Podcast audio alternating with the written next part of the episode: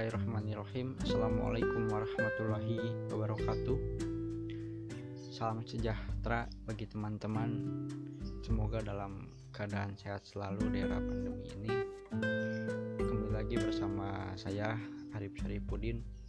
Setelah sebelumnya kita membahas tentang bimbingan karir ataupun karir. Saat ini ataupun pada kesempatan kedua ini saya akan membahas tentang psikomatik. Jangan panik ketika menghadapi era pandemi coronavirus ini.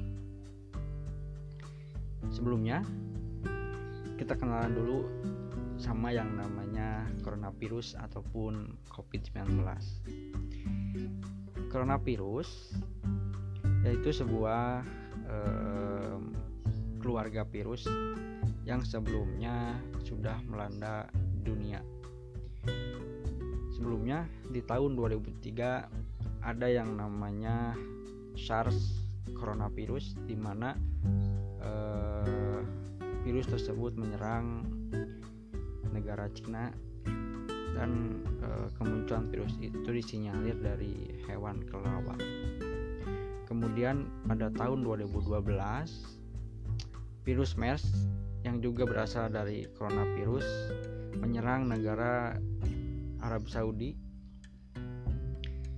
di mana virus MERS ini disinyalir berasal dari unta. Nah, yang ketiga yaitu ada COVID-19 ataupun coronavirus disease 19 yaitu sebuah virus corona jenis baru yang pertama kali diidentifikasi di negara Cina, tepatnya di kota Wuhan. Nah, eh, kemunculan virus ini di akhir tahun 2019 dan disinyalir berasal dari eh, hewan kelelawar yang kemudian menyebar ke manusia.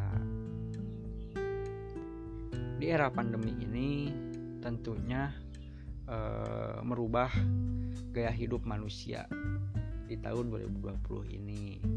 Dan juga di era pandemi ini tentunya menimbulkan keresahan-keresahan eh, kepanikan-kepanikan di seluruh warga dunia.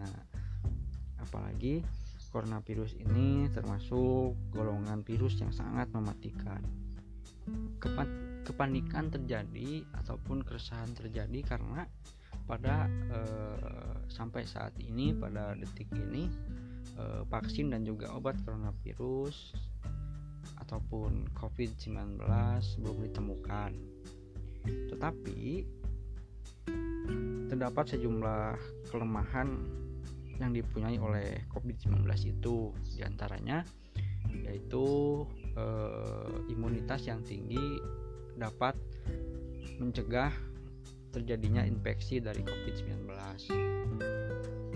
Um, gejala gejala awal COVID-19 yang umum terjadi yaitu yang pertama demam tinggi, demam e, di atas 30 derajat Celcius, kemudian batuk kering dan yang terakhir itu sakit tenggorokan. E, menurut WHO ada cara-cara agar penanggulangan COVID-19 yaitu yang pertama mencuci tangan dengan benar yaitu dengan sabun cuci tangan ataupun dengan hand sanitizer selama 20 selama 20 detik. Kemudian yang nomor dua yaitu menggunakan masker. Yang ketiga menjaga daya tahan tubuh. Yang keempat tidak pergi ke negara yang terjangkit yang kelima, menghindari kontak dengan hewan yang berpotensi menularkan coronavirus. Yang keenam, hindari menyentuh area wajah. Yang ketujuh, etika bersin dan batuk. Yang kedelapan, yaitu jaga jarak sosial ataupun social distancing atau physical distancing.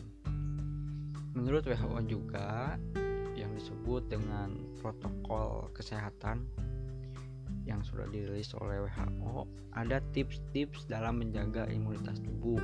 Yang pertama istirahat yang cukup. Yang kedua rutin berolahraga. Yang ketiga makanan yang bergizi yang seimbang. Yang keempat hindari atau jangan merokok. Yang kelima yaitu kelola stres dengan baik. Nah saat ini eh, meng mengelola stres dengan baik tentu menjadi sesuatu hal yang sangat diperlukan. Eh, kenapa sih kelola mengelola stres? Eh, itu sangat dibutuhkan pada era pandemi ini. Nah karena salah satu kelemahan dari COVID-19 itu yaitu imunitas tubuh yang sangat baik.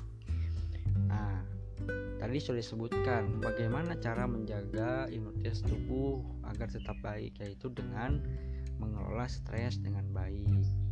Nah, selain eh, selain dapat menjaga imunitas tubuh dengan baik, kalau kita bisa mengelola stres dengan baik, kita juga akan terhindar dari psikomatik. Nah, apa sih psikomatik itu? Psikomatik merupakan suatu kondisi ataupun gangguan ketika pikiran kita mempengaruhi tubuh, kemudian memicu munculnya keluhan fisik. Seperti contohnya, saya dulu pernah e, ketika melihat berita tentang coronavirus ataupun melihat berita tentang coronavirus mendengarnya e, terjadi keluhan pada fisik saya yaitu uh, suhu tubuh suhu, suhu tubuh mulai meninggi mulai agak agak anget kemudian uh, sedikit rasa tenggorokan gatal gitu nah itu merupakan gejala psikomatis karena pada saat itu saya tidak pernah melakukan e, perjalanan ke negara terjangkit atau kontak langsung dengan orang-orang yang terjangkit coronavirus. Artinya, di sana sangat diperlukan atau sangat penting kita dapat menyaring informasi-informasi mengenai e, coronavirus. Kita jangan terlalu banyak mengkonsumsi berita berita-berita negatif tentang coronavirus, tapi kita harus sering e, mengkonsumsi berita-berita positif tentang coronavirus. Nah, berikut ada beberapa tips dalam mengelola stres. Oke, tips yang pertama yaitu lakukan kegiatan yang disukai, yaitu kegiatan-kegiatan hobi yang dapat menyenangkan diri diri teman-teman. Yang kedua, tetap bergerak dan juga berolahraga.